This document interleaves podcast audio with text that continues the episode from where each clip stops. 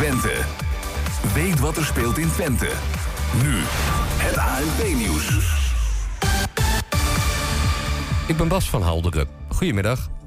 Eén prik met een coronavaccin is straks genoeg om binnen de Europese Unie te mogen reizen met een speciale corona-reispas.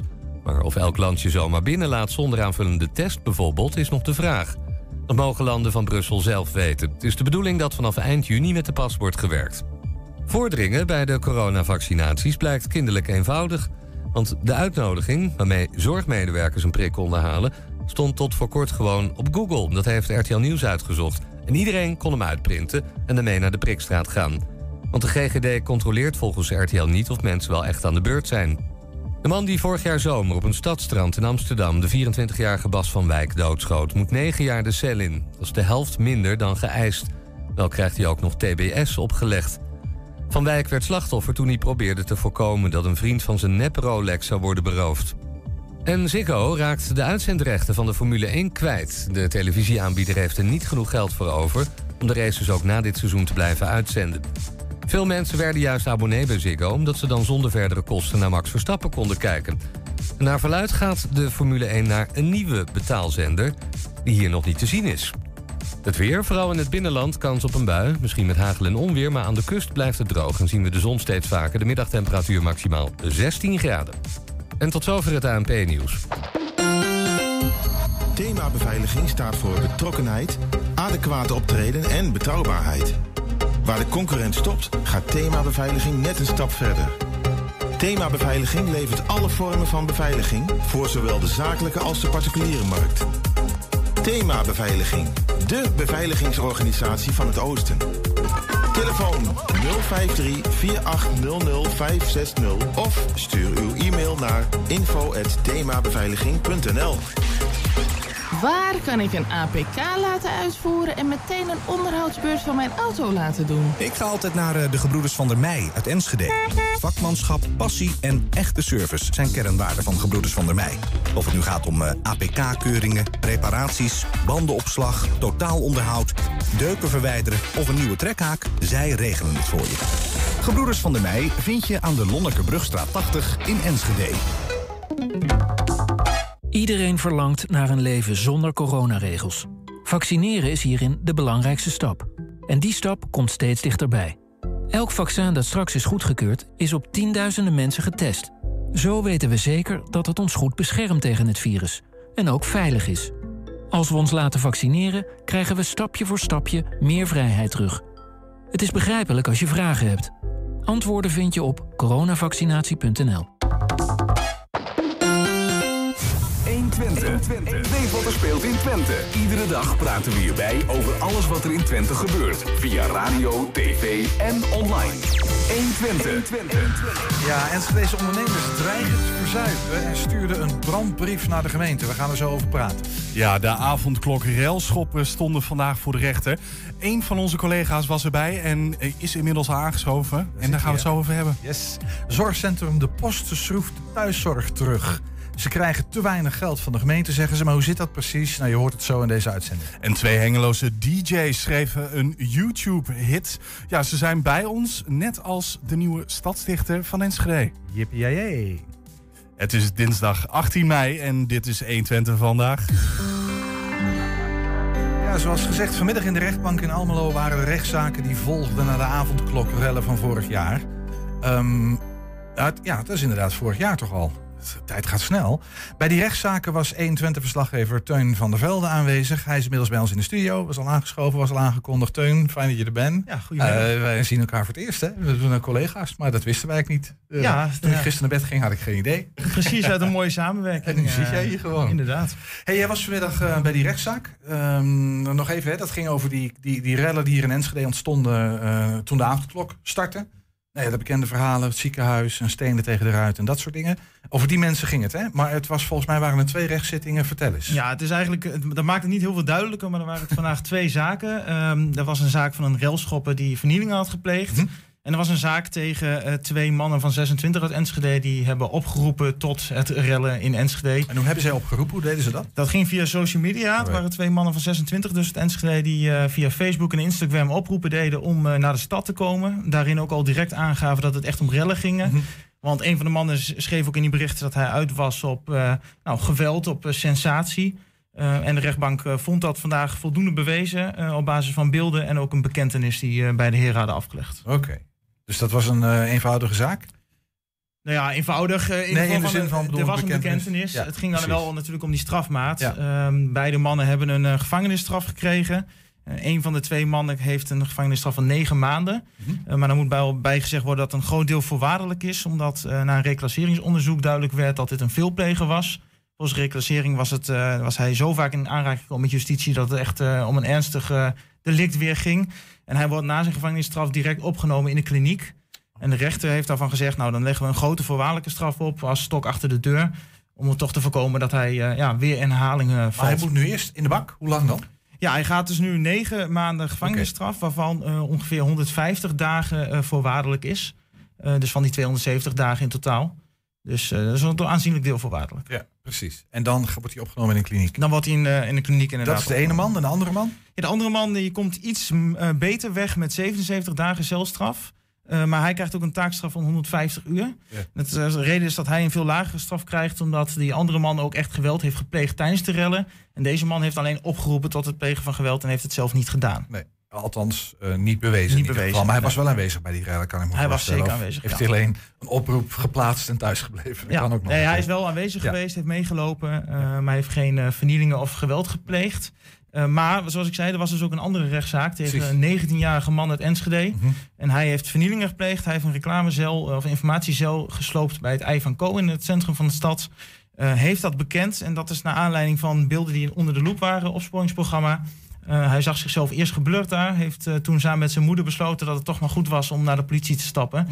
Alleen de politie heeft daar een fout begaan, want hij heeft zich gemeld bij de politie. eh, en toch is een aantal dagen later zijn hoofd echt weer uitgezonden zonder blur.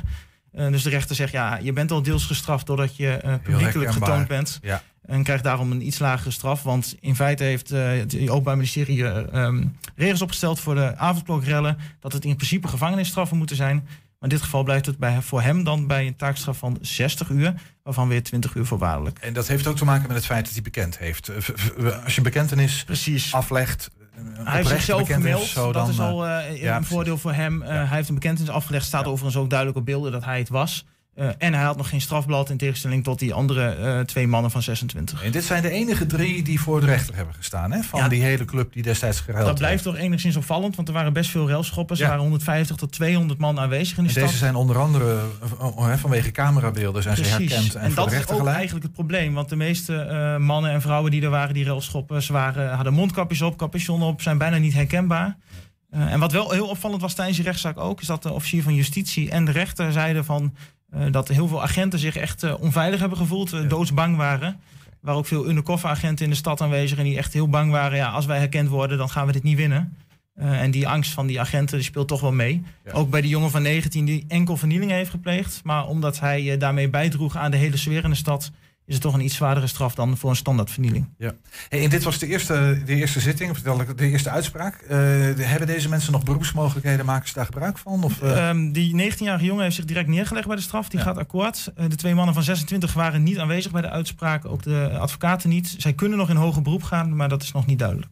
Oké, nou dat was denk ik, als het om die rellen gaat, hè? Nog Ja. andere dingen die uit die, uit die hele rechtszitting opvallend waren? Nou ja, de, de, de hele toon die de, de officier van justitie ook neerzet... dat het echt een eh, gewelddadige bedoeling is geweest... en echt een, eh, een hele dreigende sfeer heeft daar gehangen. Dus voor zowel hulpverleners als ook die ondernemers, die werden ook genoemd. Er werden natuurlijk ruiten ingeslagen van onder andere de Jamin...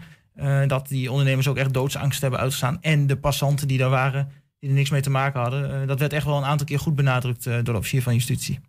Nog even scherp aangezet. Ja. Ja, oké. Was dit nou ook een soort eh, waarschuwing, zeg maar? Eh, zeg maar, richting mensen die zeggen van nou, ehm, we zijn het niet eens met iets. eh, we demonstreren is prima, maar dat is een soort van grens. Nou ja, dit, dit Heeft moet het die functie wel- ook? Of, of het valt eigenlijk nog wel relatief mee, hè? Milde straffen. Ja. Op zich zo'n ondertoezichtstelling, hè? Want die, die jongen die dan, dat is nog wel een dingetje volgens mij. Maar dat kwam dat hij een veelpleger is. Ja, het, het Openbaar Ministerie- zegt nou, we, passen zwaardere straffen toe voor avondklokrellen. Om echt te laten zien van ja, dit is echt niet de bedoeling. Eh, en dan is het inderdaad te, te twisten over nou, hoe zwaar is het dan. Maar dit zijn in ieder geval zwaardere straffen dan bij bijvoorbeeld standaardvernielingen of openlijke geweldpleging. hey, dankjewel. Teun van der Velde was dat. Eh, collega sinds kort van der Velden. We moeten nog even wennen, Teun. Pas goed. Fijn dat je er was. Ja, een brandbrief aan de gemeente Enschede. Horecaondernemers zakken door hun hoeven. Ja, zometeen praten we met een van hen. Maar eerst, eh gisteren werd het officieel bevestigd door demissionair zorgminister Hugo de Jonge. We gaan versoepelen. De horeca krijgt iets meer speelruimte. Mensen mogen weer naar de sekswerkers. Nou, de vakanties knalden uit hun startblokken. eh, blokken. En ook de dierentuinen mogen weer open. En zo ook Hof van Ekbergen. Vanaf december zaten zij dicht, maar kunnen nu in beperkte vorm open. Ja, en we beginnen met een recent vlogje van de Eibergse dierentuin zelf. Wij zijn hartstikke blij.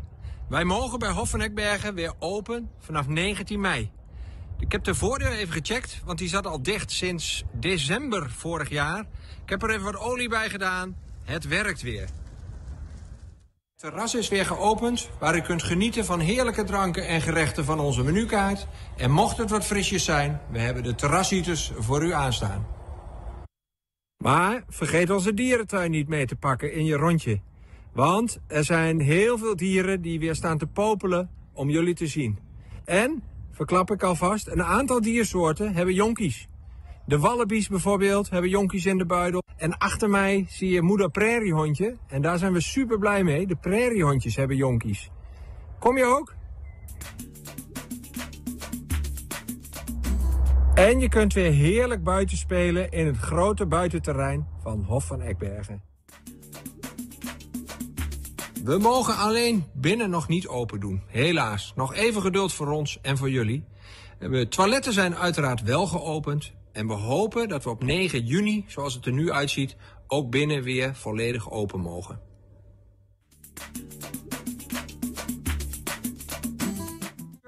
Eh, tickets, zoals jullie weten, zijn te boeken via hoffenekbergen.nl slash tickets. Namens mij en het complete team Hof van Ekbergen graag weer snel tot ziens. In de studio net aangeschoven uh, uh, Maarten Rijmers, eigenaar, directeur, ik weet eigenlijk niet precies, van Hof van Ekbergen. Waarschijnlijk alles in één, vermoed ik. Klopt. De man die je net in het filmpje zag ook. Een leuk filmpje, man. Jullie zijn blij dat je weer open mag.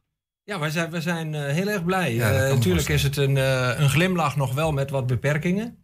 Maar als je kijkt naar de periode die wij dicht hebben moeten zitten... Ja, dan zijn we toch wel met z'n allen blij dat de voordeur weer open mag. Snap ik. Maar zet het zo aan de dijk in de zin... Maar je zegt al, hè, be- het, het, het zijn wel beperkingen. Uh, wat zijn die beperkingen precies? Aantal nou, bezoekers? Dat betekent dat we vanaf uh, morgen mogen wij open. Ja. Uh, maar wij mogen uitsluitend buiten open. Dus dat betekent voor ons dat we alle speelzones en speeltuinen buiten open mogen hebben. De ja. dierentuinen en de dierenverblijven buiten mogen open. En daarnaast uiteraard ook het terras. Maar daar geldt nog wel de beperking, net zoals in alle horeca... dat we 50 personen maximaal tegelijkertijd op het terras mogen hebben. En wat voor locaties mogen jullie eigenlijk binnen nog open hebben? Ik heb vandaag uh, te horen gekregen, want eigenlijk is binnen alles gesloten en horen alle binnenlocaties uh, of zij op 1 juni of zij op 9 juni ook de binnenfaciliteiten weer open mogen doen. En vandaag hebben we te horen gekregen dat ook onze bowlingbanen binnen wel weer open mogen. Zij het ook nog wel dan met maximaal twee personen per baan of meerdere uit een huishouden of kinderen onder de uh, 13 jaar. Want bowling ja. is binnensport. Ja, ja, er wordt actief beoefend. Hey, heel even terug, hè? want we, we, in het filmpje zei je dat jullie hebben nu jonge dieren. Ja. Dat is natuurlijk hartstikke leuk. Ge jullie geven dieren namen, of niet? Ja, ook. Ja, Hoe is het met Jan? Hoe is het met Jan? Ja, jullie weten natuurlijk... Uh, Je kan even Jan, achter, achter Ernst heeft volgens mij... Hier, uh, met Jan gaat het heel erg goed. Die, uh, ja, kijk, het voordeel van dieren is... die merken niet wat de impact heeft van corona. Die merken wel, hè, zometeen vanaf morgen als we weer open gaan... dat er weer bezoekers om hun verblijven heen gaan. Lijkt dus dat wel, zal ja. wennen zijn. Ja. Maar met Jan gaat het uitstekend. Ja? Ik zou bijna zeggen, ik moest de groeten doen, maar daar lig ik. Maar, en, en, met, en met de schoonmoeder? Met zijn schoonmoeder, nou, dat uh, gaat helaas, uh, is, da, is dat niet goed gegaan. Uh, de baarkamer, oh. die worden ongeveer tussen de 8 en de 10 jaar. Dat hebben de leeftijd van Jan en Gerry ook. Maar Gerry is helaas ja. begin dit jaar overleden. Op natuurlijke wijze. Hè, maar dat is dus wel jammer. Dus Jan zit momenteel alleen in zijn verblijf. Maar we merken het gelukkig niet aan hem. De baargaam kan ook solitair leven. Dus dat ja. is En als, als ze alleen zijn, kunnen ze ook een keer op visite of zo. Misschien hier. Nou, ik ben bang dat dat is een glazen bakje lastig wordt. Ja, toch. Hey, maar ik, want het, je had het hè, over, over die dieren die wel gaan merken dat er weer bezoekers gaan komen. Ja. Ehm, zo'n zo'n zo'n periode van stilte in zo'n dierentuin. Is dat nou fijn voor dieren? Juist niet. En ik vroeg me ook af, als er dan kleintjes geboren worden, krijg je niet op een gegeven moment een ophoping van dieren die dan ergens kwijt moet, maar niet kwijt kan. Hoe, hoe nou, zit dat? Het is wel een goede vraag die je stelt. Eh, Dierentuinen zijn eh, gebundeld in Nederland. Wij zijn een officiële dierentuin. En dat betekent ook dat je in het netwerk zit van uitwisselingsprogramma's, die ook genetisch soms bepaald zijn. Hè. Dus je kunt niet zomaar zeggen van eh, bepaalde jonkies van diersoorten hou je bij elkaar. Dus daar ga je uitruilen en uitwisselen. En dat gebeurt ook bij ons. Eh, ten aanzien van de stilte die er Is dat een ontstaat. soort databank die je hebt dan? Ja. Dat je weet van ik heb deze Ja. puppies of deze kle- kleintjes van deze soort. Klopt. En die matchen met wat er in Amersfoort Ja, wereldwijd is er een programma die alle Oké. dierentuinen gebruiken. En daarin staat elk dier dat gechipt is of kenmerken heeft en daarin geregistreerd is. Op een specifieke locatie eh, geregistreerd. En daar zit, alle data zit daaraan gekoppeld. Dus als had, je, had je geen beperkingen in deze coronaperiode met zeg maar eh de, de transport van dieren, voor zover dat al nodig was? Nee, maar, niet. dat, dat kan gewoon doorgaan, eh, tenzij het met vogelgriep te maken heeft. Want helaas hebben we in Nederland steeds vaker ook met langdurige periodes vogelgriep te maken. Ja. En dan heb je met betrekking tot het pluimvee heb je wel een aantal restricties. Eh, want we willen natuurlijk ook zorgen dat ze gezond blijven en niet andere vogelsoorten kunnen besmetten. Heeft dat gespeeld in de afgelopen... eh, grappig, want vogelgriep was vroeger eh, voorpagina nieuws, geloof ik. En ik heb het idee dat het nu soort van constant onder ons is, maar dat we geen idee hebben dat het... Dat, klopt, dat Ja, is toch? zo. Ja, alleen eh, de parken die merken dat natuurlijk wel. Want Ja, die krijgen gelijk de ophoogplicht en de vervoersbeperkingen die er dan op dat moment zijn. Heb je daar problemen mee gehad? afgelopen- Nou, wij moesten wel ophokken, inderdaad. Wij hebben natuurlijk ook een aantal vogelsoorten. En eh, dat betekent dat eh, kalkoenen, maar andere vogelsoorten ook... Ja, die mag je niet in aanraking laten komen met de bezoekers. Nou, dat is helaas... Hadden we geen bezoekers. Hè, dus, maar je krijgt nog wel de kunt restricties. ook de ten aanzien bezoekers ophokken? Dat Ja, dat zou ook nog kunnen. Ja. Nou, nu goed, ik denk dat, dat alle luisteraars wel eh, lang genoeg opgehokt ja, dat denk ik ook. Hey, maar, maar nu gaan ze weer komen. En, en Ja. wat, wat betekent dat voor de dieren? Wat, wat, wat merk je daar dan aan? Nou, eh, kijk, die dieren die zijn natuurlijk wel gewend dat er, dat er eh, bezoekers zijn geweest. Met name met de jonkies. Hè, die komen nu, eh, hè, we hebben drie, vier wallabies zelfs die eh, uit de buidel komen kijken. En soms er ook al even uitspringen.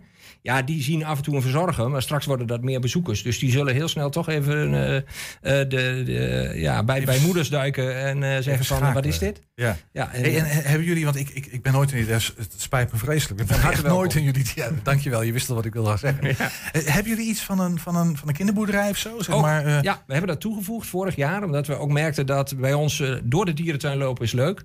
Maar met name de jonge kinderen vinden toch het aaien van de geitjes, schaapjes. We hebben twee schattige, kunnige varkjes. maar ik kan me voorstellen dat juist dat soort dieren, die normaal heel erg gewend zijn aan direct mensen om zich heen, even heel erg moeten gaan wennen. Misschien Ja. zijn ze wel schuw geworden. Nou, Of- nou, sluw niet. We, hadden, we zaten vorige week op het terras met afscheid van een collega. En eh, toen zeiden we, wat loopt daar dan? En we zaten aan een taartje en er kwam er een geit... die eh, op creatieve wijze toch het verblijf was ontsnapt.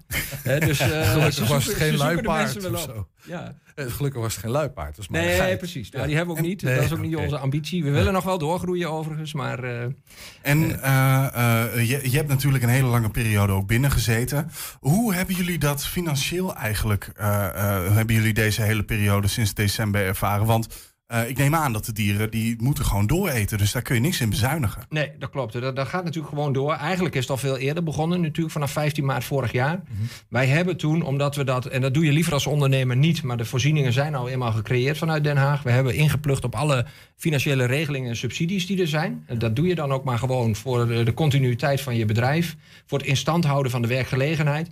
En dat betekent dus de loonkostensubsidie, maar ook de tegemoetkoming vaste lasten hebben we gehad.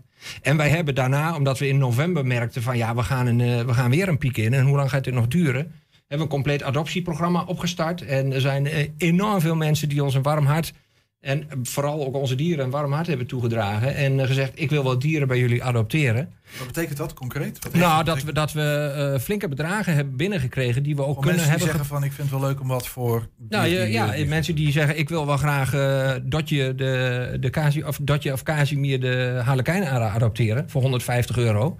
Die hebben dan een jaar lang krijgen ze een certificaat en zijn zij de adoptieouder van, eh, van die Harlekijn ARA. Krijgen daarbij ook nog twee entreekaartjes, een videofilmpje van het dier om te bedanken.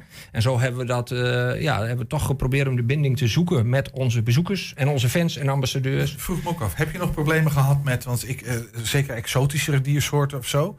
Ik heb geen idee of je al het voedsel voor die dieren gewoon uit Nederland of hier uit de polder kan halen. Of dat je het dan ook moet importeren. Nee, dat gaat bij ons, eh, bij de diersoorten die wij hebben, kunnen wij gewoon met onze reguliere leveranciers heel goed uit de voeten. dus daar is bijna, met name is ja, we hebben de diëten samengesteld uit eh, erkende Nederlandse producenten. Eh, er zijn diëten, maar er zit ook gewoon eh, groente, fruit en dat soort dingen bij. En, eh, en ook gewoon eh, onkruid. Eh, bijvoorbeeld zijn een aantal, eh, de Namdoes bijvoorbeeld, vinden heerlijk om vers gras te eten. En onkruid. Nou, waarom zou je ze dan, dat dan niet geven? Zelfs verrijking voor de dieren. Hey, nu ga je weer open. Gewoon even een, be- een beetje tot slot, we gaan een beetje afronden. Maar je, ga, je gaat open bij. Vrees jij een yo-yo-effect? Dat je denkt van ja, we gaan nu weer open. En voor hetzelfde geld moeten we straks in eh, juli weer een keer dicht. En dan weer In de achterhoek weer zijn ze altijd vaak te bangen. Eh, wij, wij gebruiken nu het positief enthousiasme om te zeggen... nou, we zijn al blij dat we met restricties beperkt open kunnen. Ondanks dat het eh, de komende twee weken nog niet echt heel erg mooi is in de weersvoorspellingen. Maar daar heeft iedereen last van. Daar hebben we nou eenmaal geen grip op. We moeten het gewoon op de langere termijn bekijken. Als we met, ons, met elkaar eh, nog wat langer aan de maatregelen houden... dan zijn er heel veel horeca-ondernemers... maar ook dierentuinen, pretparken, bioscopen... die straks heel blij zijn dat ze zonder testen... want het testen is nog wel een angst. Eh, ik hoop en verwacht ook niet dat bezoekers straks verplicht allemaal een test moeten doen om te mogen komen. Maar als dat er niet zit, eh, dan ben ik heel positief en denk ik dat we gewoon enthousiast weer een beetje naar normaal kunnen en gewoon een goede zomervakantie kunnen draaien. Eh, en dat zie je in landen om ons heen al eh, eh, gebeuren. Gisteren zag ik in Engeland dat ze elkaar weer een huk mogen geven en Ja. samen aan tafel een biertje Mhm, kunnen drinken. ja, dat zijn ja. vaak wel grotere varianten, dus dan wordt het gelijk een volle pint van een liter. Ja, dan wordt die heuk ook een stuk goed, steviger Ik, van. ik zou het gaaf vinden als we gewoon dat ook weer kunnen doen. Dus ik, ben, ik ben gewoon wel positief. Optimistisch mens. Hoeveel, hoeveel mensen komen er morgen langs? Ter afsluiting. Met hoeveel ik- vrienden ik- sta je zien, morgen in het De park? ticketmodule loopt door. Het is natuurlijk wel zo dat de weersvoorspelling wat minder is. Hè. Het is alleen buiten en we hebben wel een overdekt terras. We zetten uiteraard ook de terrasheaters aan voor eh, de Mhm. bezoekers... zodat ze wel even lekker op kunnen warmen. Eh, maar eh, ja, we gaan het zien. We gaan zien wat er gaat komen. En ik, ik heb ook tegen het team gezegd... kijk, als het 10, 20, 30, 40... als het langzamerhand begint te lopen naar de weekend toe... Pinksteren zal er ongetwijfeld veel meer zijn. Eh, maar eh, het is zoals het is. En eh, we gaan gewoon met, met volle moed kwaliteit bieden, gastgerichtheid en een mooie plek om een dagje uit te maken met je gezin of familie. Ja, dankjewel dat je even aangeschoven was. Graag Wil je Jan de hartelijke groeten van ons overbrengen? Uiteraard. Ja, ja, dat Ja, moet je zeker. doen. Maarten Rijmers was dat, eigenaar van de Hof van Eekberg. vast tot de volgende keer. Ja, dankjewel. Succes. Ja, zometeen gaan we over eh, praten over hardstyle, hardcore en hardcore fanaten in het voormalige Oostblok. Maar eerst... Een aantal horecaondernemers in Enschede staat het water aan de lippen. Zij komen voor geen enkele coronasteunmaatregel in aanmerking en dreigen inmiddels failliet te gaan. Ze roepen nu in een brandbrief de gemeente op om een noodfonds in het leven te roepen voor die ondernemers die tussen wal en schip vallen. Bas Linders, eigenaar van Bistro Dreams en restaurant Los Sueños, als ik dat goed uitspreek. Spaans is niet heel geweldig. Los Sueños, ben je blij? Dat, dat doe je nog best goed, eh Dat is Ernst. een van die, ja, goed hè. Is een van die getroffen ondernemers. Ik heb wel een soort van zuidelijk bloed hoor. Dat scheelt natuurlijk waarschijnlijk. ik hoorde er wel iets in. eh. Dat is mooi. Bas Linders, aangeschoven. Hey, fijn dat je er bent. Ja. Eh, een brandbrief eh, richting de gemeente. Eh, een jaar geleden heb jij Los Sueños geopend. Ehm, eh, misschien even kort uitleggen waarom jij geen coronasteun krijgt. Nou, het, het- het begint in 2015. 2015 ben ik samen met mijn compagnon eh, Bistro Dreams gestart in de, in de Walstraat. Eh, Jij komt ook niet uit Spanje. Nee, nee, nee, precies. En eh, eh, dat liep eigenlijk zo lekker, dat liep zo goed... dat wij op een gegeven moment een volgende droom voorbij zagen komen. Namelijk nog een pandje in de Walstraat. En ik heb zelf jaren in eh, Spanje gewoond en gewerkt. En eh, ja, er moest nog een plekje van mezelf, moest, moest dat Spaanse moest ook, eh, moest ook ergens kwijt. En ja, toen kwam die droom, Los Sueños betekent ook dromen. Kwam die droom kwam, eh, kwam ook ter vervulling. Eind 2019 kregen wij de sleutel van de Walstraat 41, voormalig ons. Mooi aan de slag gegaan daar. We hebben dat bijgeschreven destijds als nevenvestiging op onze BV. Het leek ons destijds een fantastisch plan. Mooi begonnen, eh, 15 januari 2020 geopend. Eh, heel even kunnen draaien, want we weten allemaal natuurlijk wat er 15, eh, 15 maart gebeurde. Ja. Toen mochten we weer, eh, mochten we weer dicht. Nou, en dan eh, ga je natuurlijk kijken, nou, wat, wat kunnen we, wat mogen we, wat krijgen we? Nou, de eerste TVL was een bedrag van 4000 euro. Kregen we natuurlijk maar één keer, want we hebben maar één BV. Hè, daar, daar begonnen de, Ja, begonnen de was- eerste al. Ja. Eh, toen gingen we, eh, uiteindelijk mochten we weer, de zomer mochten we weer open.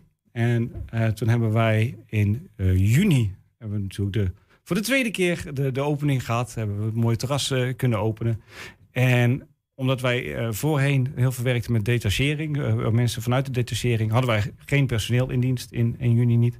En dat hebben we pas later hebben we dat eh, naar ons toe getrokken. Omdat wij hebben eigenlijk zoiets van... we willen eerst het, het geld al op de rekening hebben... voordat we het risico gaan nemen op personeel aan te Maar om het even kort samen te vatten, als ik je goed begrijp, dan je had twee ondernemingen. En eigenlijk voor één onderneming had je coronasteun, voor die andere Ja. niet. Zo simpel ligt het Ja, en dat, dat is eigenlijk de, de, de trend die zich heeft doorgezet in, in de rest. Eh TVL is maar op één, eh, ja, op één bedrijf, dus op Bistro Dreams.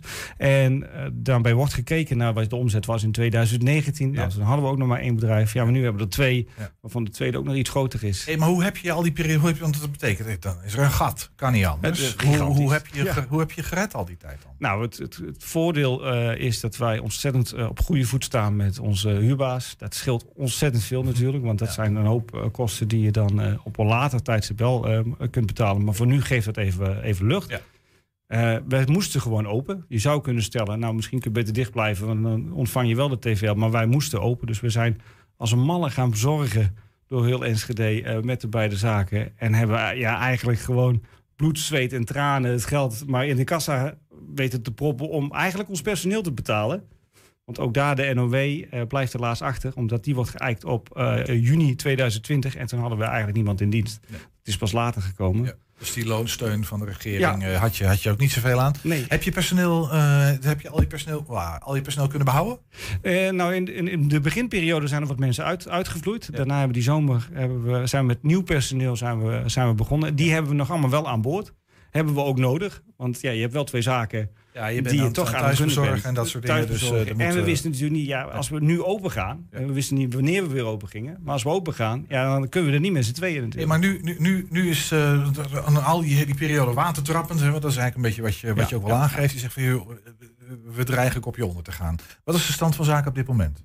Nou, de stand van zaken is dat we er financieel natuurlijk eigenlijk niet goed, goed voor staan. Als ik ga kijken. De, de, Wat de, betekent dat niet goed voorstellen? Nou, niet goed voorstaan betekent dat op het moment dat iedereen waar, die nog geld van ons krijgt, nu zou zeggen: we willen dat geld, dan, dan is het eigenlijk gewoon klaar. Maar dat geld, dat is er niet.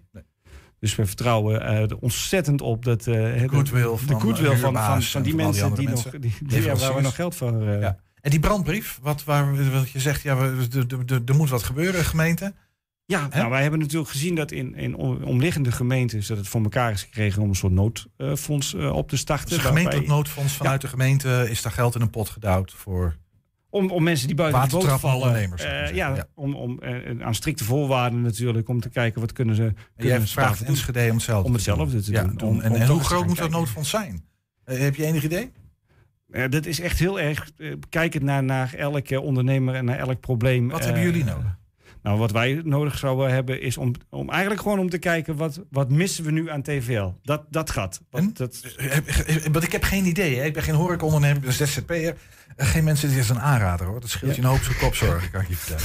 Nee, maar even los hem Maar hoeveel, wat, wat heb jij nodig? Ja, wij, wij, wij gaan eh, pak een beetje 5000 elke maand in de, in de achteruit. Dus dat, dat is eigenlijk het gat. Wij, ik kan me voorstellen dat dat voor heel veel ondernemers geldt. Dat, hè? dat tuurlijk, jazeker. Dus die brandbrief is er nou uitgegaan. Heb je al reacties gehad vanuit eh, de gemeente? Nou, ik weet dat ambtenarij? gisteren besproken is in, eh, in de raad. Dus dat is ontzettend mooi natuurlijk. Het feit dat er al aandacht aan gegeven wordt, daar ben ik ontzettend blij mee. Ik, ik begrijp als geen ander dat het ontzettend lastig is om dit soort maatwerk te gaan, eh, te gaan leveren. Want je gaat, je gaat er mensen mee voor de, voor de borst eh, stuiten. Maar ik vind het, het goed om te horen dat sowieso de, de, de raad, dat het dus al besproken is, dat het wel leeft, dat ik hier nu zit. eh, wel kijk, de gemeente heeft natuurlijk alle belang bij dat zoveel mogelijk ondernemers overeind blijven. Wel, bedoel, als je ja, straks de boel weer open mag, maar je hebt geen ondernemers meer, dat is ook niet echt heel gezellig, hè? Nee. Laat maar zeggen. Dus, dus er zit, zit wel een belang bij die gemeente. Maar je hebt nog geen rechtstreekse reactie vanuit eh, de raad, gemeente. Nee, ik weet dat er, dat er naar gekeken wordt. eh, wat dat dan ook verder mag, eh, mag, mag zeggen. Daar, ik ben nogmaals, ik ben wel blij dat er dan naar gekeken wordt. Maar ja, iets concreters vanuit de gemeente, ja, dat zou ik zeer op prijs stellen in deze. Hey, nu mogen de terrassen weer open, zelfs nog weer wat ruimer open. weer wat ruimer. Misschien op incourante tijden, althans voor de echte horeca. Ja, dat schiet niet zo heel erg op nog, denk ik. Ehm, biedt dat voor jullie enig perspectief, Soelaas? Heb je daar wat aan? Of... Ja, natuurlijk. We hebben er altijd wat aan. Op het moment dat je gasten kan ontvangen, eh, dan kun je... Dat zeg jij nou, maar als jij, want ik ken dat in die Walstraat. Ik heb een keer bij gegeten, kan ik me nu herinneren. Eh, Toen heb jij het enthousiaste verhaal verteld, erg leuk. Lekker eten overigens. Um, Nou, piep, sluikreclame, maar toch echt goed. Ehm, maar je hebt daar een paar tafeltjes staan, die Walstraat. En Ja. daar zitten dan twee mensen. Daar moet jij wel iemand voor hebben lopen de hele tijd. Dat kan exact. toch nooit uit? Nee, dus dat, dat maakt het Dus dan loop je toch alleen maar harder Ja, achteruit? de kosten die, die, die gaan in eerste instantie weer stijgen. Want je moet weer gaan inkopen. Als ik jou dan vraag, helpt het? Dan zeg je ja, het helpt. Maar ik denk, nou, volgens mij helpt het je niks, of wel? Nou ja, het helpt, het helpt me wel in zoverre dat eh, als mensen maar weten te vinden, dan, dan, dan komt het. Dan, ga ik, dan gaat het geld rollen. Maar of dat ik nou aan het eind van de maand extra geld eh, overhoud om mijn, schulden mee af te lossen, dat trek ik ernstig in twijfel. Ja, dat dat snap eh, ik. Maar ik, ik ga het je toch vragen, wa- want eh, eh, gewoon een orde van grootte van wat bouw je nou? Het is een jaar sappelig geweest, moeilijk, een beetje open, een beetje dicht, weet ik niet. Wat, wat, bouwt een, hoor, wat, wat, wat bouwt een ondernemer als jij dan aan schuld op, joh, in zo'n periode? Als je dat wil zeggen, hoor. Ja, nou, is, het is echt een behoorlijk bedrag. Het gaat wel de 20k voorbij. Ja. En dat is voor ons zijn dat, eh, zijn dat bedragen. Voor die alle kleine ondernemers is dat natuurlijk een wereldbedrag.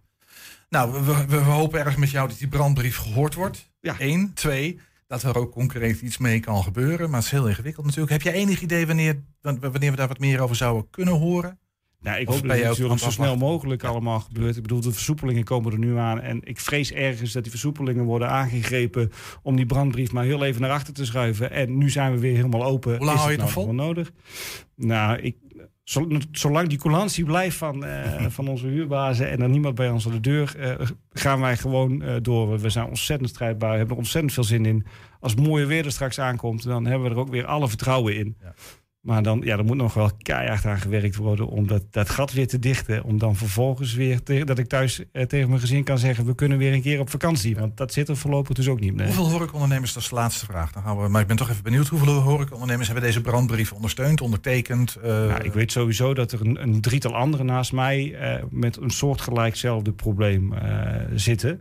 Maar de brief is van jou. Ik, ik ben, Namens een aantal anderen. Ja, ik heb het initiatief genomen om die brief eh, te sturen. Om, om dit toch echt onder de aandacht te brengen. Ja. Nou, volgens mij is dat in ieder geval gelukt. Ja. En eh, we wachten het resultaat af. Eh, Bas Linders was dat, eh, eigenaar van twee prachtige horecazaken in ook even de mooiste straatjes van Enschede, de Walstraat. Dankjewel. Graag gedaan.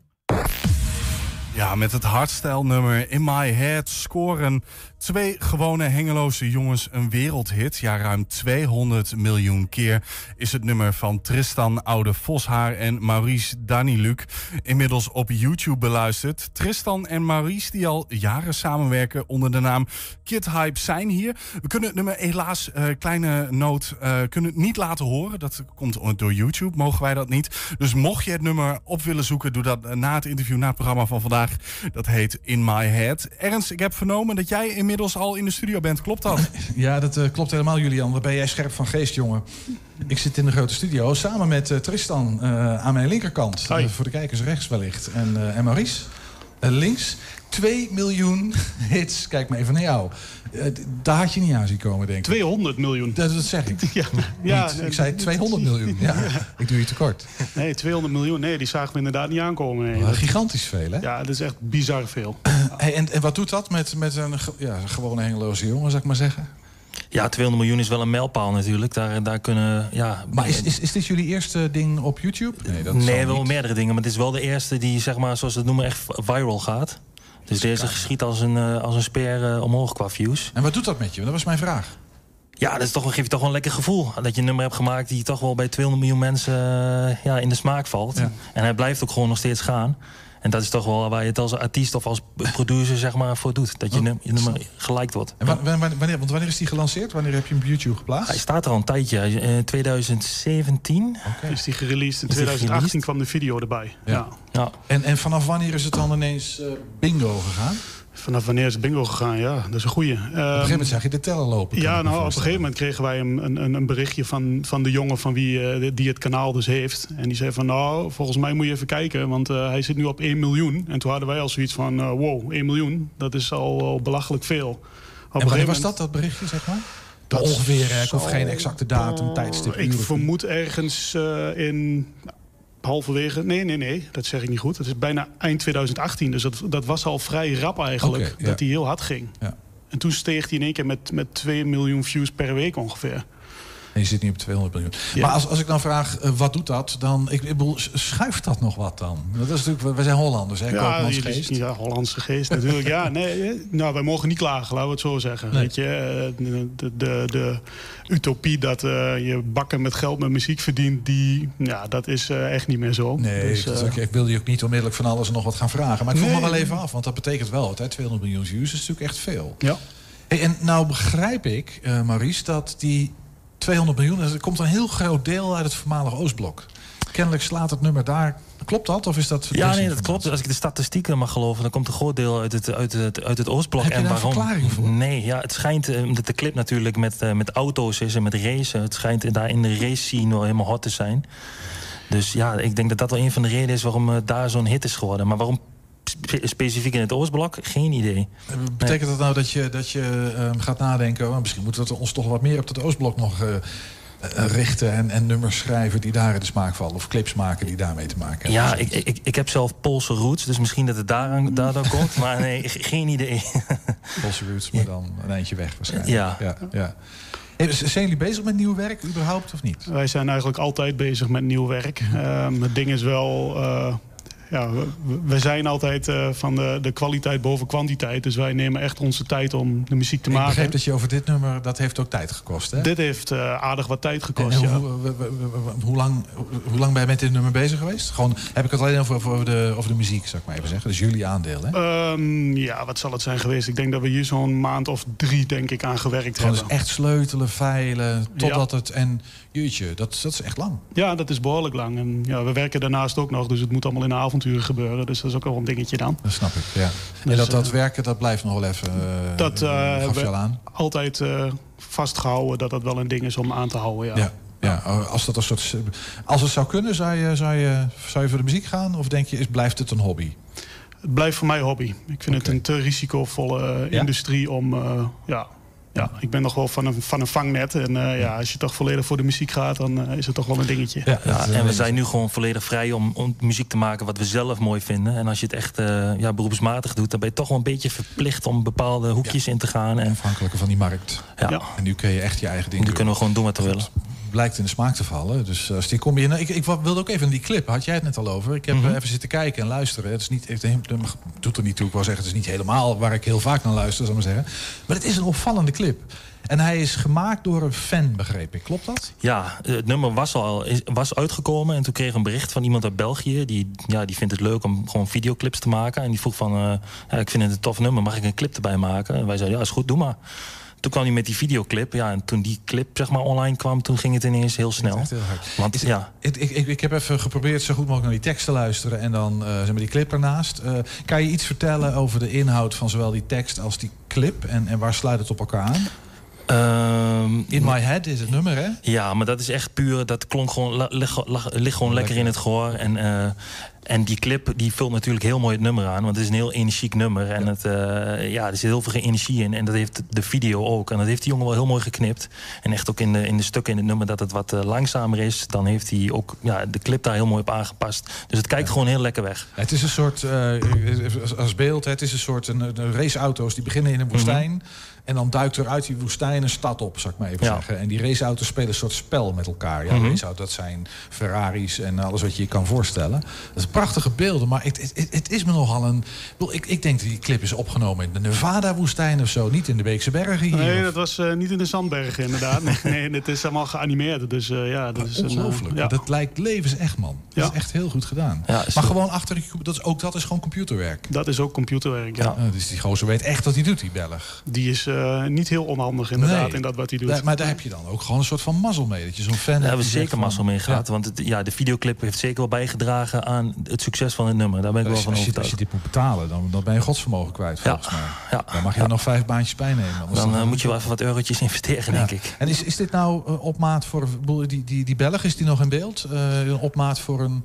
Van, nou, het volgende nummer willen wij ook wel een clip. eh. Nou, hij heeft bij de, de opvolger toen de tijd... eh, heeft hij wel een videoclip ook gemaakt. En die eh, gaat ook al richting de 10 miljoen volgens mij nu, qua, Wow, views. Dus dat is op zich ook niet heel verkeerd. Nee. Dus ja, die jongen die, die doet nog steeds dingetjes, ja. ja. Maar eh, eh, eh, t- 10 miljoen, 200 miljoen views. Ehm, hoe, hoe hebben jullie elkaar leren kennen? En, en wat is jullie rolverdeling precies? Ja, we kennen elkaar. We hadden toevallig vorige week nog over sinds. Wanneer was het? 2005 volgens mij. 2005. Ja, ja, dat is alweer 16 jaar. Ja. We kennen elkaar eigenlijk van een eh, jongerencentrum in Hengelo. Radar, het bestaat inmiddels niet meer. Eh, daar had je elke maandag had je een DJ-cursus. Dan kon je gewoon, eh, als je DJ was, kon je aanschuiven, kon je je platen meenemen. Dan ging je gewoon om de beurt platen draaien. Ja, zo leer je elkaar kennen. En ja, we hadden een beetje dezelfde stijl qua draaien, een beetje dezelfde muzieksmaak. Ik was op dat moment al aan het produceren. Jij, had al, jij was in het verleden actief met produceren. En toen zijn we gewoon samen in de studio gaan zitten. En, dan dat, hebben we het over hoeveel jaar geleden? Hoe oud waren jullie toen? Dan weet ik gelijk hoe oud je bent Ehm, ongeveer. Nou, 2000. 16 jaar geleden, ja. Toen Ja, was ik eh 21. Ja. Ja, zoiets. Ja. ja.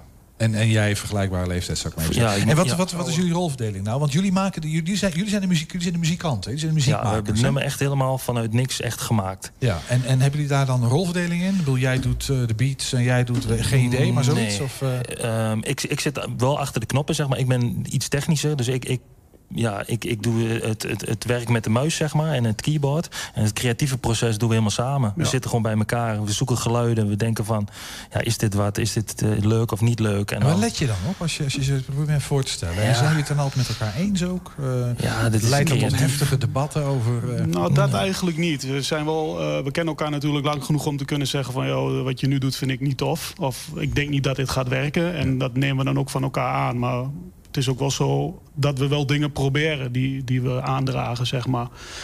En ja, Ja, we hebben ook eens dingen dat ik zeg van eh, wat jij eh, dan inbrengt, wat ik denk van oh, dit is niet echt tof. Of andersom. En ja, dat kan natuurlijk. En dan kijken we gewoon ja, de gulden middenweg. Wat, wat is voor ons beiden, wat vinden we beiden tof? Ja. En hoe, hoe, hoe ontstaat... eh, Hoe, hoe, hoe ontstaat een nummer? Het moet, moet ergens beginnen, niet? Ja, ik, ik, ik moet wel altijd een beetje houvast hebben om te beginnen met een nummer. Dus meestal beginnen we wel met de, met de zanglijn. Als er een zanglijntje in zit, daar beginnen we mee. En daar bouwen we het hele nummer omheen. Ja.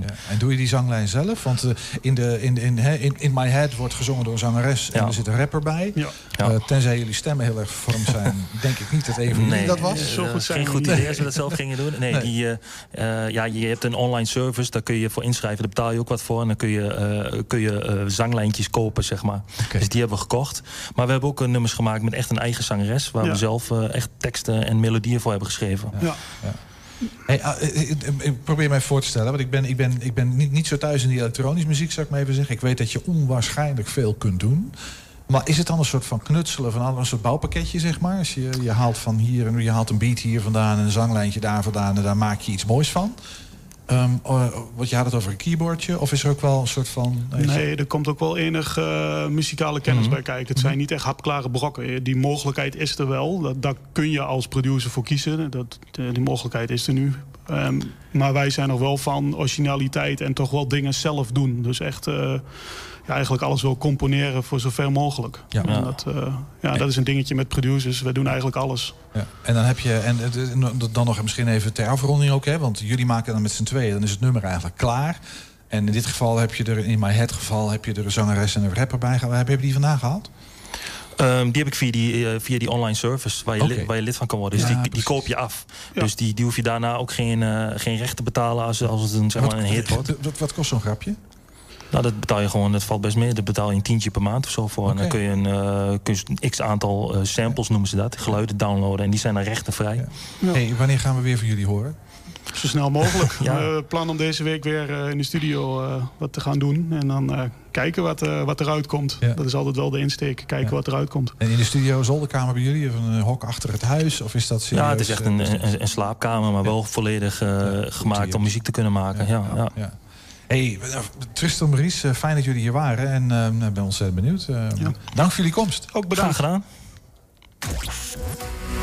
Ja, zometeen de nieuwe stadsdichter van Enschede hebben we aan tafel. En benieuwd wie hij is. Maar eerst, eh, thuiszorgorganisatie De Posten heeft ongeveer 300 cliënten per brief laten weten dat zij gekort zullen worden op het aantal uren huishoudelijke hulp. De Posten kan niet meer uit met de bijdrage die zij van de gemeente Enschede krijgt om de thuiszorg uit te voeren. Ja, in de studio is collega en verslaggever Wilco Lauwers. Eh, die brief aan, jij hebt die brief aan de cliënten gelezen. Ehm, ja, wa- waar gaat dit hele probleem eigenlijk precies over? Kun je dat kort en eh, in Janneke taal uitleggen? Ja, ja, dat is al heel lastig met huishoudelijke hulp, hè, want het is altijd heel technisch. Het, eh, het gaat zeg maar om de poetshulp die eh, nou, voornamelijk oudere mensen toch ehm, thuis krijgen. ehm, van de thuiszorgorganisatie. En het gaat in dit geval over de basismodule. Dat zijn gewoon de standaardwerkzaamheden in de, nou ja, de slaapkamers, de woonkamer. Ehm, nou, de poetsen in de gangen en eh, het schoonhouden daarvan. Hier zit bijvoorbeeld niet bij de zogeheten wasmodule, dat, dat iemand komt om de was te doen één of twee keer in de week. Die valt hier niet onder. En daar wordt dus eh, op die basismodule wordt op bezuinigd. En daar zit ook de meeste kosten hè, voor, eh, voor de gemeente eigenlijk, want die is degene die het uiteindelijk betaalt. Hey, nou, die basismodule, de, even de poetsmodule, met alle respect gesproken. Hoe, hoe groot was die module? Want dat, dat gaat over een aantal uren, hè? Ja, ja en, en dat, dat is meteen al het hele lastige hiervan. Aan de ene kant ehm, ehm, worden die eh, indicaties, zoals dat heet, door de gemeente niet in uren gegeven.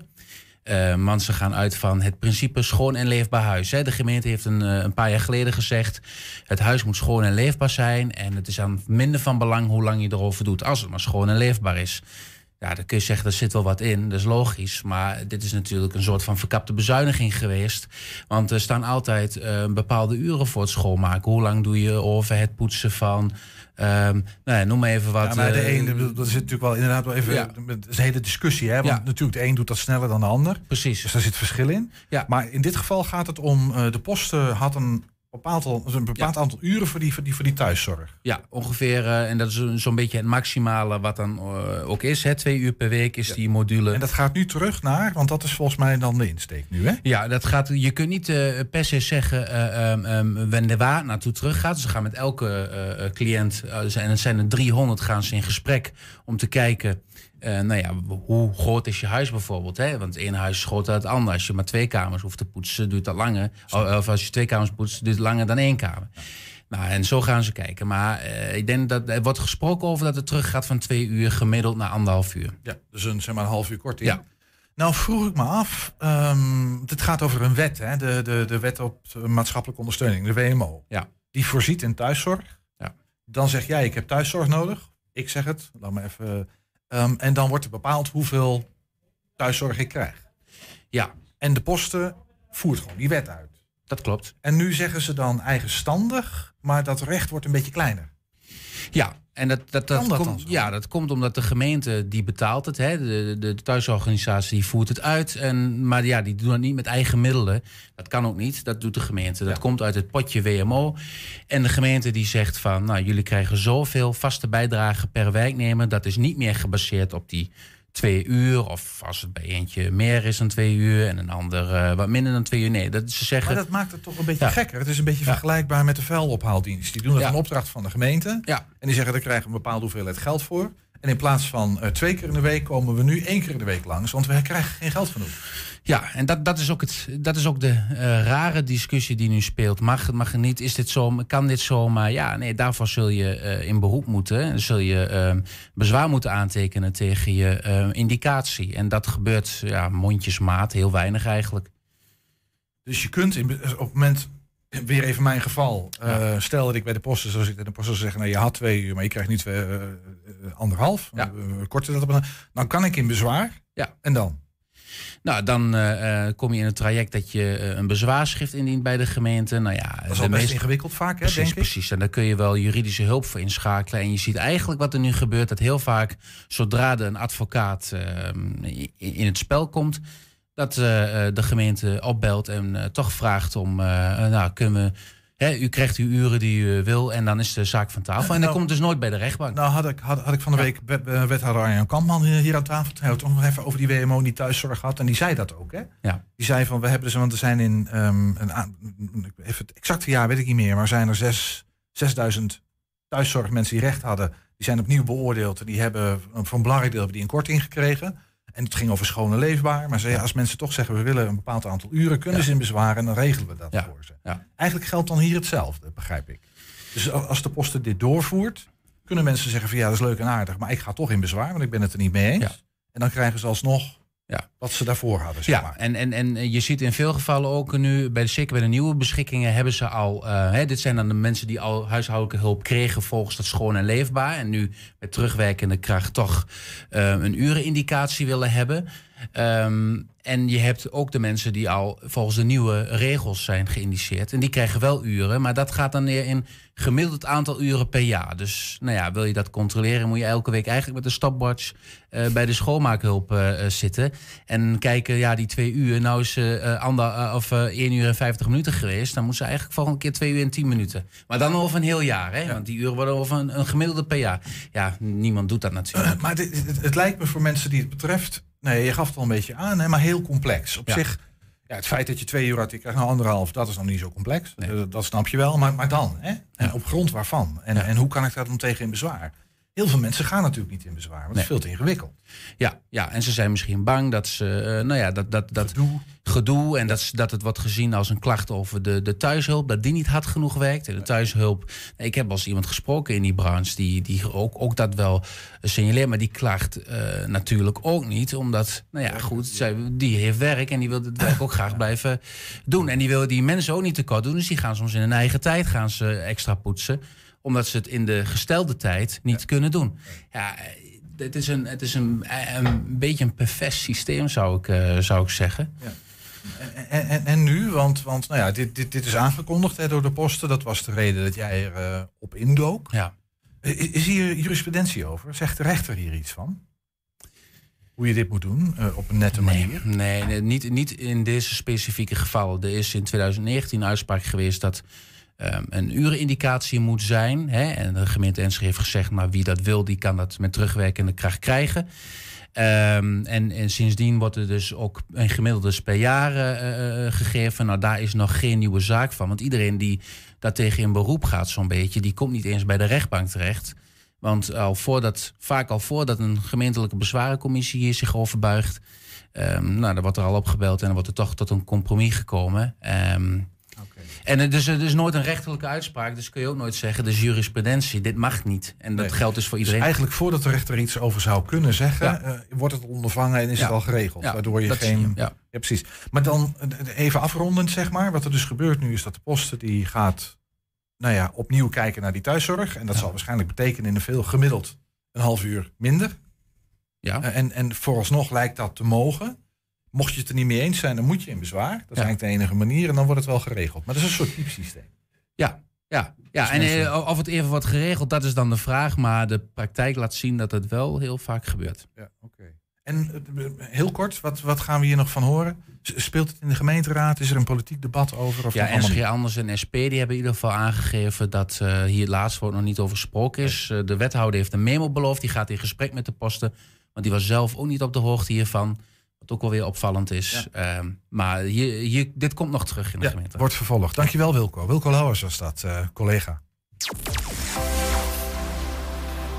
Nummer 9. Dat is een bizar nummer van de Beatles. Een soort soundscape van alle letteren waarschijnlijk op het White Album. Eh, maar dat is voor de insiders. Maar het is ook de nieuwe stadsdichter van Enschede. Wat zeg je dat mooi, Ernst? Dik nou mooi, hè? Ja, luister je veel en Beatles? toe- ja, het- het is- ik, ik, ja nee, ik ben wel een beetje Beatles-fan, ja. ja. Nou, kijk eens aan. Er zit ook heel veel poëzie in trouwens. Dus een mooi bruggetje. Op sommige, ja zeker. Nou, dat is een mooi bruggetje, want we gaan het hebben over poëzie. Nummer 9 is ook namelijk Dick Sluter, onze nieuwe stadsdichter. De negende in eh, successie. Hij volgde aanstaande, of afgelopen zaterdag volgde hij Jos Eertink op. eh, werd winnaar eh, van de stadsdichtersverkiezing. En hij is aangeschoven. We zijn benieuwd wie Dick Sluter eigenlijk is. Even los van de dichter, zou ik maar even zeggen. Ja, ook daar zijn we benieuwd naar. Maar ook de mens. Ehm, zeg eens, wie is Dick Sluter? Nou ja, ik ben eh, geboren en, gebogen, en ge- en getogen eh, tukker. eh, dat, daar begint natuurlijk alles mee. Ergens ben je geboren en ook wel geworteld. wie is je vader, wie is je Dus moeder? eh, zo be- begint het meestal in het leven. Waar ben je geboren? in Almelo. Oké. Ja. En in welk, in welk jaar mogen we dat weten? 1956. nou ja, dat is geen geheim. eh. Nee, kun je overal vinden waarschijnlijk, op. maar toch, ja. Het was een goed wijnjaar, dus... Oh, is dat zo? Ja, ja, ja, ja, ja. ja, ja. Nou, heb je vast een flesje van staan nog. Eh, Was dat nou waar? Dan was ook nog wel het nodige geld waard dan ondertussen. eh. hey, maar je bent ehm, eh, nieuwe stadsdichter geworden. Sinds, wanneer ben jij begonnen met poëzie? Want ik, ik weet dat dat al Eh, langer de middelbare dan- school ben ik al begonnen. En, en waarom, waarom in godsnaam een jochie van... Dat voor mij ook. Ja, vaak heeft dat dan eh, toch te maken met een goede docent. Eh, ik had een goede leraar Nederlands. En, eh, en ik kwam aan het poëzie lezen en ik ging toen zelf eens eh, schrijven. En dat resulteerde uiteindelijk in een bijlage in een eh, tijdschrift... eh, wat in Almelo eh, verscheen. eh. en op basis daarvan werd ik uitgenodigd voor eh, de Nacht van Almelo. Dat was in het verleden een poëzie-evenement. De beroemde eh, Nacht van ja, Almelo, de beroemde ja. Nacht van Almelo. Dat was echt heel leuk. Ik kan me nog herinneren dat ik... Oud was jij toen? Eh, wat was ik toen? Was ik op s- 22 ondertussen, ja. Toen eh, dat ging spelen, dat ik eh, voordrachten deed. Ik kan me nog herinneren dat ik nog ergens het gezeten daar heb met- begonnen, al, al, al, al, al heel vroeg, hè, zeg maar, in je tienertijd. Ehm, en, maar je hebt, je hebt je leven lang, eigenlijk tot op heden, heb jij poëzie gemaakt? Heb jij gedichten geschreven? Nee, dat klopt, ja. Wat- en, wat is- eh, wat meer en jou- minder intensief. Eh, In 94 is de eerste bundel van mij verschenen. En, eh, dus ja, en optredens deed ik regelmatig. Maar wat maakt voor jou poëzie tot iets dat je eigenlijk altijd bent blijven doen? Wat kan je daarin kwijt? Ehm, Het is eigenlijk een eh, verhaal vertellen op een andere manier. Eh, ik heb altijd eh, wel wat gehad met verhalen vertellen. En ehm, in poëzie kun je dat nog weer op een hele andere manier doen. En dat sprak mij echt heel erg aan. En kun je la- lagen aanbrengen. En eh, aan de ene kant heel toegankelijk zijn, maar ook daar dingen in verstoppen. En ik hou ook wel van. eh, beetje stiekem een man. Zo dingen ja, ja, ja, ja, die dan nou, niemand dat- ziet. Ik weet niet of dat eh, stiekem is. Ik denk dat dat meer iets is voor, eh, ja, soms voor fijnproevers. en aan de andere kant wil je ook gelezen worden. Tenminste, daar hoor ik wel bij die categorie dichters. eh, Het moet je wel hebt- toegankelijk zijn. Het moet voor Ja. iedereen die het hoort, moet daar iets mee kunnen hebben, zeg maar. Ja. Hey, het, het kenmerkt dat jou, want het was ook wel, vroeg me ook wel af. Ik, ik, ik ken, ken, kenmerkt dat jouw stijl, als je het zou willen omschrijven, heeft dat iets met die lagen, maar toch ook die herkenbaarheid te maken? Hoe, wat is jouw stijl? Wat is een echte sluter? Ja, een echte sluiter die is. ehm, ehm, ik heb mij eigenlijk vooral laten inspireren altijd door eh, Hugo Claus en eh eh, Vrooman. En eh Habakuk de Balker niet te vergeten. Oké, maar dat heb- zegt- dat zegt zeker de dus, Ik heb een natuur en een... Natuur? En een zekere gelaagdheid en eh, Belgische klei bij wijze van spreken. En eh Twentse zandgrond, eh, dat, dat is wel Dick Sluter. Dus het is ook niet eigenlijk verwonderlijk dat ik, dat ik een bundel heb geschreven de afgelopen jaren over Twente. Die komt in juli, begin juli komt die trouwens uit. En daar heb ik gewoon wel wat mee. Terwijl in de Nederlandse poëzie, bij de beroeps, om eh, die naam te gebruiken, ja, daar wordt niet meer over eh, de natuur geschreven, bij wijze van spreken. En je bent, Dat dus, eh, je bent dus afgelopen zaterdag ben je benoemd als stadsdichter van Enschede. Ja. Hoe hoog stond dat op jouw lijstje wat je nog af moest vinken? Soort- Stond dit op jouw bucketlist? Ja, dat was, was wel degelijk het geval. Ik ben in 2011, 2013 was ik de tweede provinciedichter. En dat was al heel eervol. En eh, toen, ik woon al, eh, ik geloof, ruim 25 jaar in Enschede. En ik had eh, toen het stadsdichterschap hier ging spelen. Had ik wel zoiets van, dat vind ik leuk om ook een keer te worden. En ik ben ook twee keer eerder genomineerd geweest. En eh, nou, drie keer scheepsrecht. Eh, ik had ook erg mijn best gedaan. Eh, ik moet toegeven dat ik in het verleden er wel wat makkelijker over dacht. Ja, maar ik wil net zeggen, is het dan niet alsof je weer bij de nacht van Almelo zit en dat je dan eigenlijk bibberend bijna een, een, een, een, een stukje gedicht voordraagt daar? Of, of was dit allemaal kat in het bakkie en moest alleen nee, nog nee, gebeuren? Nee, nee, het was natuurlijk wel, wel degelijk spannend. En ik had ook eh goede... Er, twee anderen waren ook gewoon goed. eh, waarvan één, eh, de die, een van de die-dichters, dat was mijn belangrijkste eh, con- concurrent. En dan denk ik van eh 14 inzendingen, dat is ook een heel hoog aantal. En ik kan me herinneren dat ik dacht bij de eh, vorige keer waren er maar acht inzendingen, als ik me goed herinner. Maar dat weet ik niet helemaal zeker. eh. Nee, het aantal inzendingen weet ik maar dit keer Maar ik vond het 14. eh, heel goed, 14 inzendingen, dat is echt... nou, dan heb je wel concurrentie. Dus ik was eigenlijk, ik vind het om die reden ook een mooie prestatie, los van drie keer scheepsrecht. En als je dan, als je dan zeg maar die stadsdichterschap, dat heb je dan op een gegeven moment. Je gaat nu twee jaar lang. Wat, wat ga- gaat een stadsdichter precies doen voor mensen die dat niet precies weten? Nou, het is, eh, je, je wordt ook geacht een bepaald eh, doel te hebben tijdens het eh, stadsdichterschap. En ik heb mij als doel gesteld om eh, de wijken rond te gaan. En eh, in deze twee jaar eh, gedichten te schrijven over de verschillende eh, wijken. Of Hoeveel, eigenlijk- wijken, hoeveel wijken telt Enschede, weet je dat? Oh ja, dat... eh, Heb je daarover nagedacht voordat Nou ja, je dat als ook nog- ook nog subwijken heb je allemaal Ja, dat- natuurlijk. wat dus- jij zegt, dat klopt Ja. helemaal. Ik had de burgemeester, die belde mij vanmiddag eh, om mij ook te feliciteren. En eh, die had een keer geteld dat er in En- dat Enschede bestaat uit 98 buurten. Ik- 98. Wij En- weten nu al wat Dick Sluter de komende twee jaar doet. Dus, eh, ik word hartstikke druk, ja. Wist jij van tevoren ook niet. Ik had zelf, was ik Wordt wel een mooie bundel, een forse poëzie. Ja, ja, ja, ja, ja. ja. ik denk dat ik gewoon door moet gaan eh, dan als ik klaar ben na twee jaar, want ik ben dan nog niet door mijn buurten heen. Maar wat ga je doen dus? Want we, we moeten afronden, we zitten bijna aan het eind van het programma. Wat ga je doen de komende twee jaar? Eh, be- behalve de stad bezingen. Ga- Gaan we iets maatschappelijk, sociaal, politiek, eh, de, de barricade? Nou ja, goed. Ik, eh, op de actualiteit ga ik uiteraard ook eh, op insteken. En je krijgt ook opdrachten. dus eh, het, het is veel breder. Eh, ik heb mij dat als doel gesteld met die eh, buurten. eh, maar daarnaast kan er natuurlijk van alles gebeuren...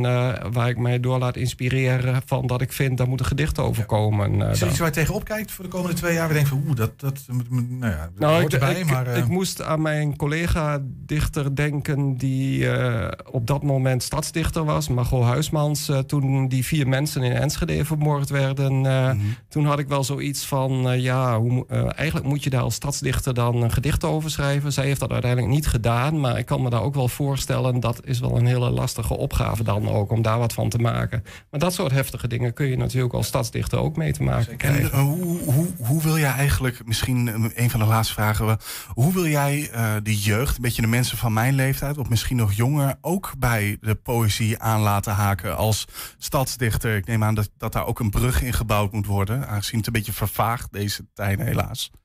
Nee, dat klopt. Eh, dat is ook een, belangrijker, eh, belangrijk punt. We hebben een junior stadsdichter en die wordt eh, telkens gekozen op basis van dat twee die dichters, Regine Hilhorst en Moes, Wa- Moes Wagenaar, dat die rondgaan langs scholen, daar lessen verzorgen. Er wordt een wedstrijd gehouden, dus daar hoop je natuurlijk ook van dat vanuit die groepen kinderen toch aandacht blijft voor poëzie. En op de middelbare scholen eh, ligt het ook vaak aan En de eh, ga jij daar ook Ja, ik enigszins wat op inbrengen, een, een vinger in de pap hebben, zeg maar? Nou, ik vind wel dat ik dat ook moet doen. Dus ik ga mij ook zeker aan de middelbare scholen aanbieden. van als jullie zin hebben in een les over poëzie, dan mogen jullie een beroep op mij doen. Kom ik graag langs. Leuk. Hey Dick, we moeten afsluiten. Ehm, en heb jij een, een mooi kort gedichtje voor ons? Een En kort Ja, gedichtje? eh, en dan kunnen wij ons, ons vanavond in alle rust en vrede te rusten leggen. Ja. Ehm, ik heb wel een gedicht over eh, de Oude Markt. Eh, dat is niet onbekend eh, natuurlijk eh, als je het hebt over Enschede en zijn inwoners. Veel Enschede'er gaan we het niet krijgen. Dick Sluter. Oude Markt. Oude verhalen. Beetje krabben en je trekt ze zo uit de muren. Als kroketten bij de Febo. Allemaal van na de brand. De stad van voor die datum is ondergedoken. Een gracht is ermee gedicht. Zand erover, hagenstraten maken. Het was neerhalen en bouwen rond een roetvinger die vier naar de onverschillige hemel bleef wijzen. Hoge stoepen kregen weer panden. De Rode Haan en de stad. Bommen. Ruim twintig jaar later vielen er pijpen uit de hemel. Van Heek zeeg in één. 2000 was het Roombeek dat verdween. Op de Oude Markt was het weer snel, dol en vol. Borrelende bewoners, studenten. Vandaag denk ik, daar was het altijd lente. Tot de eerste, de tweede en weer na de prik. Ja, Dick Sluter was dat. Ehm, vandaag? Ja, we terugkijken, dat kan direct via 120.nl. Vanavond om 8 en 10 uur zit je dan voor de buis, Ernst? Want dan zijn wij gewoon weer terug te zien met deze editie van 120 vandaag. Vaste kijker, altijd. Eh, dat dacht ik al wel. Zometeen hier, ik heb hem in de gang al zien staan. Hij is er, dat is Henk Ketting met een gloednieuwe kettingreactie. Wij wensen u daar veel plezier mee en Tot morgen. Tot morgen. 1 Twente. Weet wat er speelt in Twente. Nu, het ANP-nieuws. Ik ben Bas van Halderen. Goedemiddag. Eén prik met een coronavaccin is straks genoeg om binnen de Europese Unie te mogen reizen met een